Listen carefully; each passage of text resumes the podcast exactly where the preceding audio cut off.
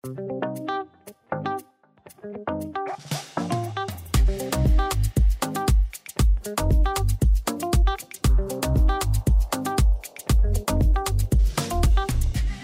och välkommen till Stadsutvecklingspodden. Podden för dig som är intresserad av hållbar utveckling i allmänhet och hållbar stadsutveckling i synnerhet. I den här podden pratar vi om och väcker frågor kring allt som har med stadsutveckling att göra. Podden görs av Institutet för hållbar stadsutveckling i Malmö som är en samverkansplattform för Malmö universitet och Malmö stad. Och tanken är att forskare och de som jobbar med hållbarhetsfrågor i kommunen möts här, byter tankar och idéer som leder till, ja just det, hållbar stadsutveckling. Och det är precis det den här podden också ska göra. Inspirera, förhoppningsvis väcka tankar och frågor. Och jag som leder samtalet är journalist och heter Agneta Nordin.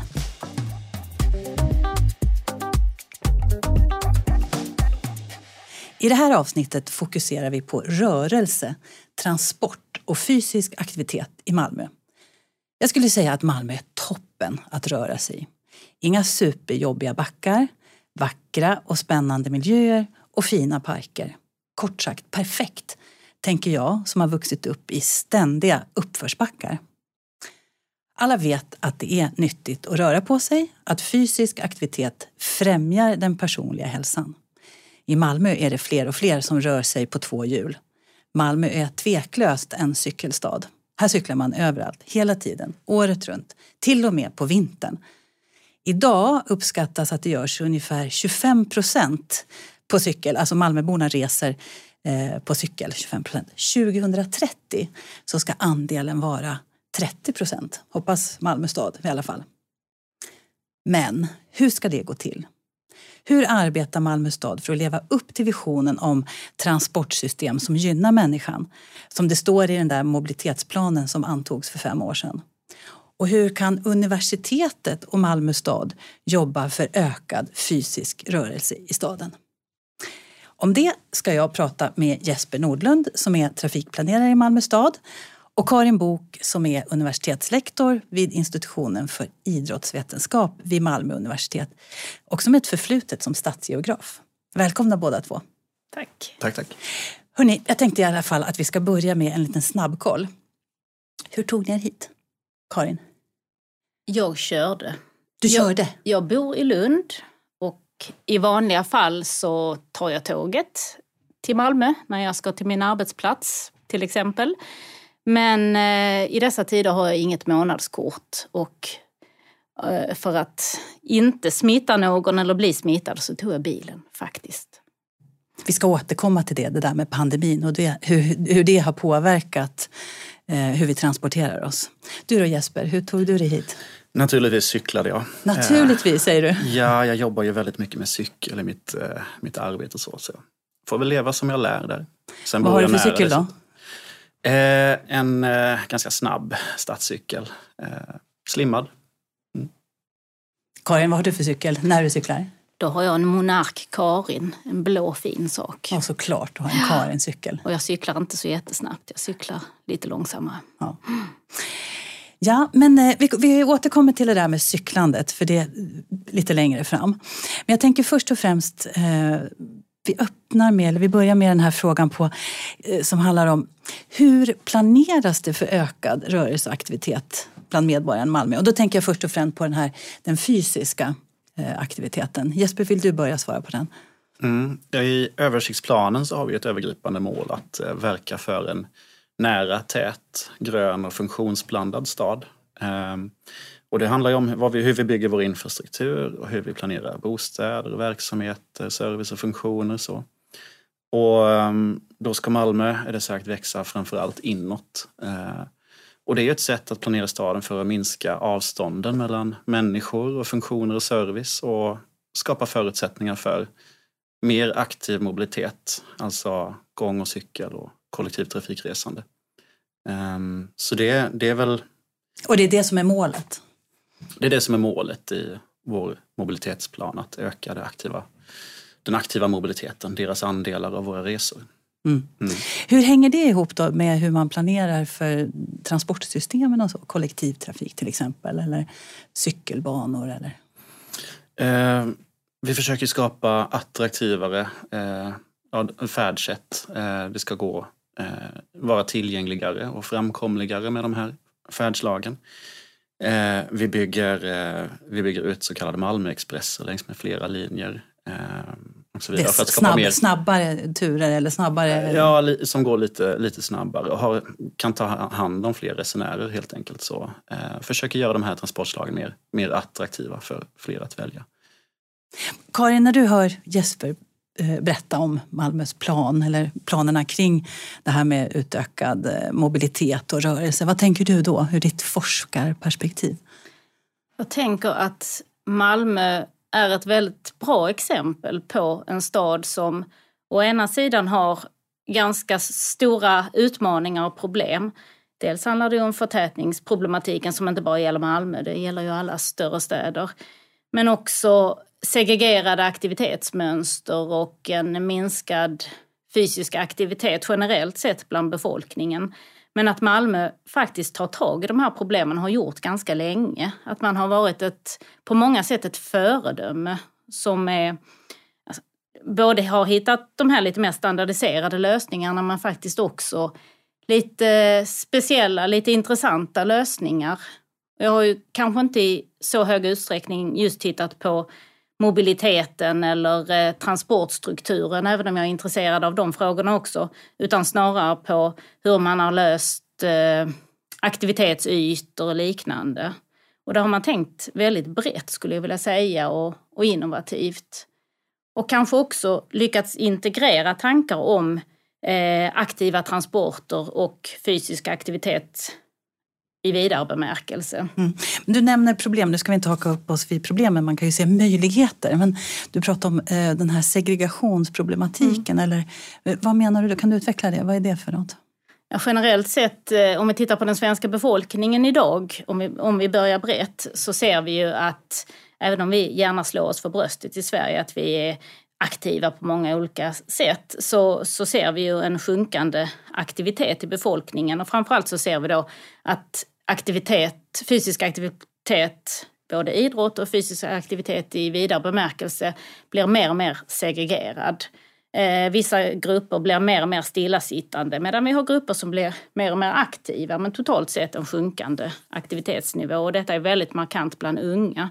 Och I en stad som Malmö, som ju är en ganska segregerad stad, så syns detta väldigt tydligt. Om man jämför olika bostadsområden och tittar på hur aktiva ungdomarna är så är, är det stora skillnader. Och, eh, om man jämför utifrån socioekonomisk status, huruvida eh, ungdomarna har utländsk bakgrund eller inte, så ser man olika aktivitetsmönster. Mm. Och detta är ju ett problem. Dels det generella eh, eh stillasittandet men också segregerade aktivitetsmönster. Eh, också om vi tittar på mobiliteten så, så ser man ju att ungdomar som växer upp i eh, socioekonomiskt svagare områden ofta är mindre mobila. Man tar inte del av stadens utbud på samma sätt som man gör om man växer upp i en, ett medelklassområde. Och det gör ju, det kan man tycka är positivt utifrån ett hållbarhetsperspektiv för det, det finns kanske inte någon liksom, syfte med att fara kors och tvärs men att ta del av stadens utbud innebär mm. ju att man att är det blir begränsande till, till den plats man... Ja. Vad tänker du om det Jesper? Eller jag tänker på ur ditt perspektiv då som trafikplanerare. Alltså hur ska man kunna... För segregation är ju per definition inte speciellt lyckat mm. ur alla möjliga aspekter. Men hur ska Malmö stad kunna överbrygga det där? Hur kan man liksom nå ut till alla eller göra det möjligt för fler att, att röra sig och, och ta sig mellan olika stadsdelar till exempel? Uh, nej men de här färdslagen, gång, cykel, kollektivtrafik, är ju också de mest eh, jämställda transportslagen som flest har möjlighet att använda. Dels ur ekonomiskt perspektiv, de är billiga, men du behöver inte heller eh, ha tillgång till bil eller ha tagit ett körkort eller eh, så. Och det är de mest utrymmeseffektiva transportslagen som inkluderar flest och gör att eh, staden kan vara nära, fler kan ha närhet till, till stadens aktiviteter och utbud. Ehm, så genom att vi planerar för dem så skapar vi en mer inkluderande stad eh, och möjligheter att ta del av staden för fler. Men hur stort problem är det då att ni inte kanske når ut till alla och att det liksom stoppar på vägen? Om man nu planerar för eh, ökad mobilitet men att människor fortfarande stannar kvar eller inte tar sig så tänker jag att då har man inte nått ut med, med möjligheterna till alla. Ja, eh, utifrån vårt perspektiv på FKK så försöker vi verka för att skapa möjligheterna. Infrastrukturen är mycket mitt fokus. Så.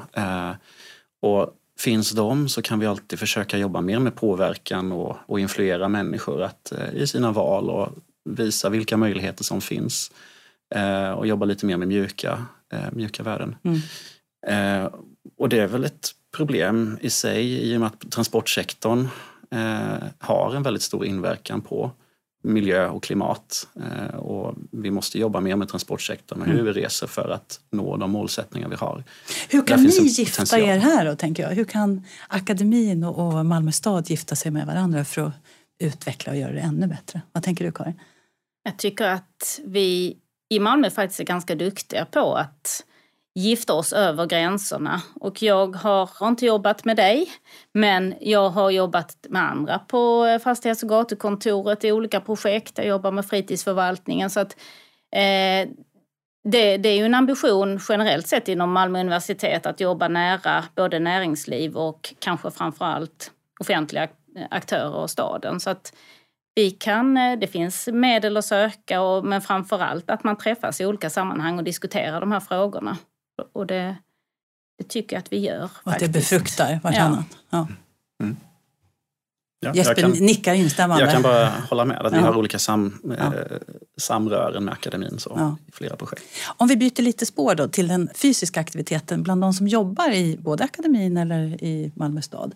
Hur jobbar ni inom Malmö stad med att få personal, alltså anställda inom Malmö stad att röra sig mer? Cykla till jobbet till exempel, att inte ta bilen?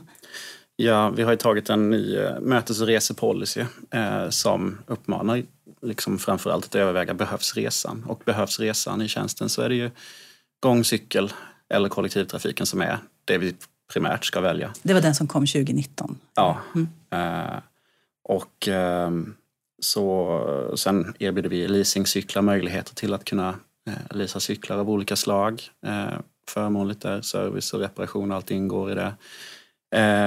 Och det är väl också ett sätt att då försöka stimulera eh, att vi rör oss även i, i resan, i tjänsteresandet. Mm. Eh. Hur gör ni i akademin? Ni sitter ju jättemycket stilla.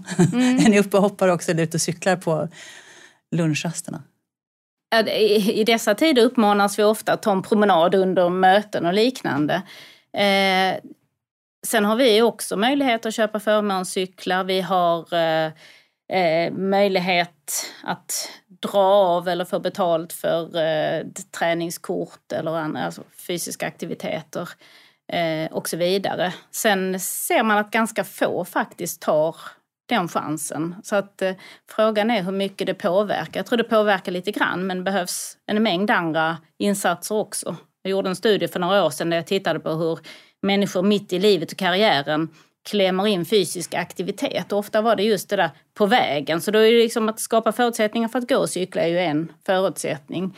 Men att det ska vara snabbt och effektivt, kunna ske på lunchen, att eh, en flexibilitet i arbetstid och så vidare. Alltså att det finns en massa olika samverkande lösningar som kan hjälpa den, eh, den arbetande personen att trycka in det. Och det här med att kombinera olika aktiviteter. Mm. Jag brukar se eh, hemtjänstpersonal de kommer ju på sina cyklar.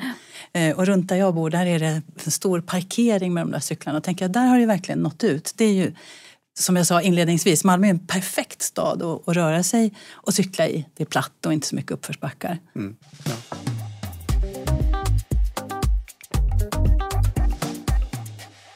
Jag tänker på, eh, du var inne på det och Karin också, infrastrukturplaner. Hur kan Malmö arbeta med de planerna för att man, jobba mot det här hållbarhetsmålet eh, 2030? Det är ju själva förutsättningarna som skapas och öka attraktiviteten, påverkar, men, att påverka människors val att eh, eh, välja de här aktiva transportslagen. Eh, och det håller vi på med just nu med eh, storstadspaketet, en stor eh, infrastruktursatsning, kanske största i, i staden sedan, eh, sedan Citytunneln. Där vi planerar för tre mil nya cykelbanor, mycket längs med våra huvudgator. Eh, fyra nya Malmö Expresslinjer och eh, elektrifierade bussar. Så liksom, eh, mer kapacitet, bättre framkomlighet, ökad tillgänglighet och eh, kommer förhoppningsvis få fler att göra ett mer medvetet val. Mm.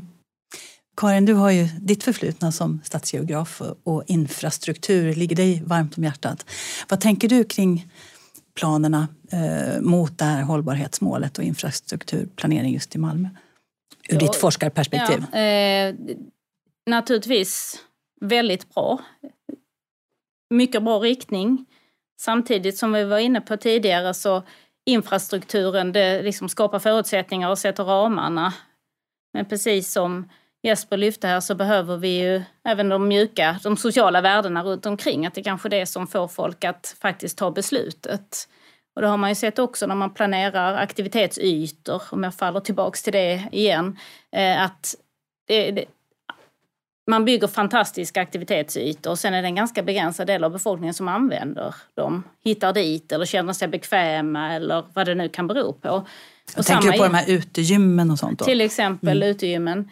Eh, och det visar ju att man, man kan inte bara bygga utan man måste ha man måste stödja folk, det är information, det är eh, att man samverkar eh, mellan olika sektorer för att faktiskt stötta befolkningen. Och det tror jag gäller även när det gäller transporter, att eh, man kan inte bara bygga en infrastruktur och eh, lämna det helt åt kommunen att, eh, att fylla den, utan sen måste olika organisationer och olika sektorer faktiskt samverka för att Eh, den ska användas. Ja, så att man ska börja trampa mot samma mål. Jag tänker det finns ju också en, en konflikt i det där. Du pratar om förtätning av staden och att man ska försöka minska biltrafiken i city och få folk att åka kollektivt. Men eh, jag vet att det knorras ju en hel del bland de bilägare som tycker att ja, men jag har ju min bil, jag vill kunna ta den till jobbet och parkera nära jobbet. Och, och inte minst Eh, butiksägare och annan näringsverksamhet som,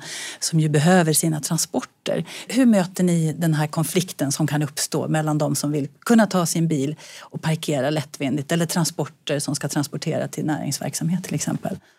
Nej, men det enda sättet att egentligen jobba mot ökad trängsel i biltrafiken är ju att planera för övriga transportslag. För, för varje person som väljer att resa på ett annat sätt än med bil så eh, kan vi minska trängseln i bilvägnätet. Eh, vi kan inte lösa det genom att bygga ut bilvägnätet. Eh, nya vägar skapar ny trafik eh, och eh, därmed ökad trängsel för det kommer alltid finnas en massa flaskhalsar i, i bilvägnätet. Ehm, så det är väl ett sätt. Sen jobbar vi med olika former av mobilitetshubbar och, och annat som kanske snarare ser mobilitets nästa, nästa generations trafikplanering, eller redan nu, är mycket mer mobilitet som service och fokus på att det är själva nyttan med transporten snarare än hur vi transporterar mm. som, är, som ligger i fokus. Så um, jobba lite mer med mångfald i, i, i transportsystemen och, mm. och, uh, och så. tror jag är viktigt. Jag tänker på Frisgatan är ett sånt mm. superbra exempel på Sommargatan där man har stängt av för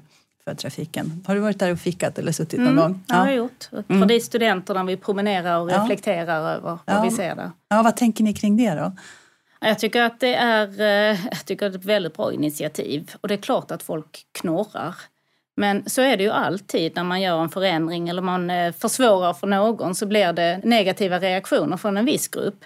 Jag tror att man får låta det ta lite tid och, och framförallt våga. Det har man ju sett när man började stänga av biltrafiken redan på ja, 70-talet, att det blev enorma reaktioner. Men om man istället laddar eh, utrymmet med någonting positivt så och låter det växa fram organiskt och eh, att folk vänjer sig så blir det bra. Jag har staden Freiburg där man stängde av hela innerstan för biltrafik och det blev ramaskri. Mm. Samtidigt används det ofta som ett ideal, eller gjorde det i alla fall när jag studerade städer på Ja, men jag tror man fortfarande pratar om det. Ja. Ja, ja. Så att det, det, handlar ju lite om mod och våga ha ett långsiktigt perspektiv här. Mm. Mod tänker jag, då kommer jag in på, då tänker jag på pandemin. eh, vad det nu har med mod att göra, men mod att våga ta cykeln, mod att inte eh, åka kollektivt som vi ju ändå har uppmanats till ju, att vi, vi ska göra för hållbarhetssakens skull. Tror ni att pandemin på sikt kommer att påverka, eh, har påverkat människors förhållningssätt till hur de transporterar sig? Vad säger du Jesper? Absolut, det, det tror jag. Vi ser annorlunda på eh, till exempel hur vi arbetar. Arbetspendling har påverkats i, i stor utsträckning under pandemin. Eh, vi ser liksom lägre toppar i rusningstrafiken, färre bilar på vägarna. Eh, vi ser att kollektivtrafikresandet har gått ner och så mönstren påverkas. Så det kommer säkert vara bestående saker vi kommer se även efter pandemin. Man ser, man ser annorlunda på sin vardag och jobb och hur vi reser. Så där har pandemin ändå fört något gott med sig? Att man kommit undan de där trafiktopparna till exempel, eller pendlingstopparna? Ja, trängseln har minskat, det totala resandet har minskat och eh, vi ser kraftiga eh, tapp i kollektivtrafiken, absolut. Men vi ser också i flera städer som har nu har tyvärr inte vi färska mätningar i cykel under det här året men vi ser andra städer där cyklandet har ökat eh, som enda transportslag som faktiskt ökat sitt resande. Och, eh, cykelbranschen säljer väldigt mycket mer cyklar eh, som också är en indikation på att det, det rör på sig inom, inom det området. Så vi ser nog lite annorlunda på hur vi transporterar oss i staden. Karin, är det någonting som ni inom akademin tittar på, forskningsperspektivet, alltså någon, forskar på mm. de här ja, Dels rörelserna. vet jag att, eh, att det finns forskare som tittar just på transporterna. Men eh, på min institution tittar vi på fysisk aktivitet och idrottande under pandemin. Och där vet vi att fler är ute och rör på sig som du eh, sa inledningsvis. Ja, mm. ja och nej. Vi, vi ser ju samtidigt att grupper, till exempel ungdomar, rör sig mindre för att de idrottar mindre för att verksamheten har legat ner och de har kommit av sig lite. Medan vi kan se grupper som rör sig mer för att man har en mer flexibel arbetsdag och kan ut och promenera. Så att vi ser faktiskt lite olika mönster om vi tittar på olika åldersgrupper.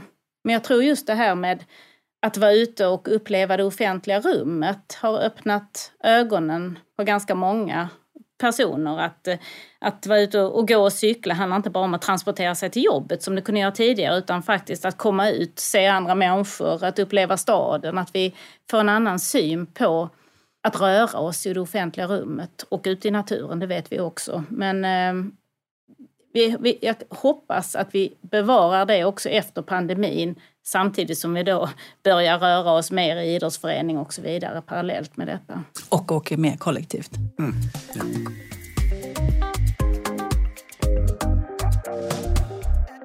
Du lyssnar på Stadsutvecklingspodden, idag om rörelse i Malmö.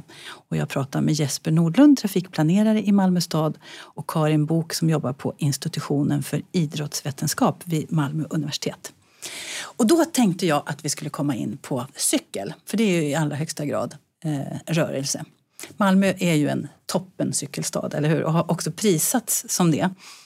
Vad betyder det för Malmö att man får så här mycket uppmärksamhet kring sin cykling? Jag tror det är viktigt eh, för historiebeskrivningen av, av Malmö att ta vara på det, det arvet som vi har sedan tidigare. Vi har ju varit en cykelstad under eh, många, många år. Eh, sen arbetarstaden Kockums och alla, eh, alla cyklande till och från jobbet där. Eh, och att värna det eh, kräver också att man eh, eh står upp för och eh, fattar beslut i, i en riktning eh, som, som, som främjar den här, det här kulturbyggandet av Malmö som cykelstad även fortsättningsvis. Ehm, så det är någonting vi behöver se som förpliktigande. Ehm, men sen är det ju viktigt för ett marknadsföringsperspektiv. Vad står Malmö för? Vilka värden kommer med att vara en cykelstad? Eh, varumärket Malmö. Varumärket Malmö. Mm. Mm. Vad säger du Karin? Mm. dels tycker jag det är intressant i ett regionalt perspektiv att vi faktiskt har tre cykelstäder som ligger nära varandra. Vi har Köpenhamn som är en, en eh, världsberömd cykelstad. Vi har Malmö som börjar bli, skulle jag säga, en eh, ytterst berömd cykelstad. Och sen har vi Lund som stud studentstad och cykelstad där man faktiskt sporrar varandra och eh, drar nytta av varandra som region. Eh, och jag håller med om att det är väldigt viktigt för varumärket Malmö. Malmö som ju har ett rykte som ibland är lite problematiskt om vi ser internationellt sett men också nationellt sett. Eh, det är en stad som brottas med en del problem och har eh, liksom visat upp sig med storskaliga projekt eh, på ett ofta ganska lyckat sätt. Men att man också har en rad andra variabler där cykelstaden är en sån här variabel som är hållbar och intressant och liksom förankrad i stadens historia och i befolkningen. Så ja. egentligen innehåller cykeln allt. Från historia till hållbar utveckling till fysisk rörelse. Så den är liksom bra på alla sätt. Mm. Det, det, tycker jag. Och Malmö har ju flera parallella historier. Jag tycker cykeln håller ihop ganska många historier på ett fint sätt här. Själv har jag studerat Malmö som skateboardstad och det ser jag att det går lite hand i hand med det här med att vara en cykelstad. Att man satsar på det offentliga rummet, på rörelse, på Eh, det är kanske en mer begränsad grupp när det gäller skateboard, men att det är ett, det är ett varumärke som ligger fint parallellt med cykelstaden Malmö. Jag arrangerade en större internationell konferens, eller vi, min institution gjorde det för några år sedan. Och hur visade vi då upp Malmö för att locka idrottsforskare från hela världen? Jo, det var med bilder på cykelstaden Malmö och skatestaden Malmö. Och det tycker jag är ganska talande. Mm. Istället för att visa upp fotboll och arenor och de här stora eh, idrottsprojekten så var det de här fysiska aktivitetsfenomenen. Ja, och lite vardagsfenomen eh, också. Absolut. Även om inte skateboard är vardag för, inte för mig i alla fall, men för, men för många. Men för många, ja. ja. Men är cykeln demokratisk, tänker jag på? Är, är cykel eller cykling för alla? Ja och nej skulle jag vilja säga. Det är, cyk cykling står för så väldigt mycket så det beror på vilken form av cykling vi pratar om. Även här kan vi väl se att det är ganska segregerade mönster. Alla cyklar inte. Men samtidigt är det ju en, ett till, tillgängligt transportmedel om man har kunskapen. Vi tar ju ofta för givet att man vet hur man cyklar och hur man hanterar trafikfaror och så vidare. Och det, på det sättet är det ju inte 100% demokratiskt. Sen ser vi ju liksom att cykling har blivit lite av en materialsport inom vissa segment. Och det är kanske inte heller helt demokratiskt men det finns ofta någonting inom cykling som gör att det är tillgängligt och därmed demokratiskt. Mm.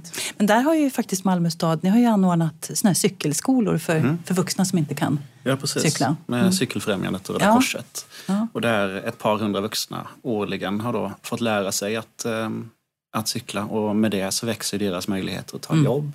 Man kan ta sig lite friare eh, i sin vardag till och lite längre och behöver inte vara uppbunden till att bli skjutsad eller ta kollektivtrafiken eller, eller taxi. Eller så så att, eh, eh på så sätt så växer ju möjligheterna i, i ens liv också att kunna mm. bli lite mer rörlig och fri. Tycker du att cykeln är demokratisk? Eller cyklingen? Um, ja, kanske mer demokratisk än uh, andra alternativ som bilen har ju sina begränsningar kanske där. Och lite dyrare än cykeln också. Lite, lite, dyrare får man ju säga och eh, tar mer plats och eh, ja, är lite av en klimatbov eh, som, som bidrar till att vi, vi bygger den här gemensamma skulden. Att eh, transportsektorn påverkar klimatet i, i stor utsträckning och det är någonting som vi alla i slutändan bär eh, skulden tillsammans. Mm.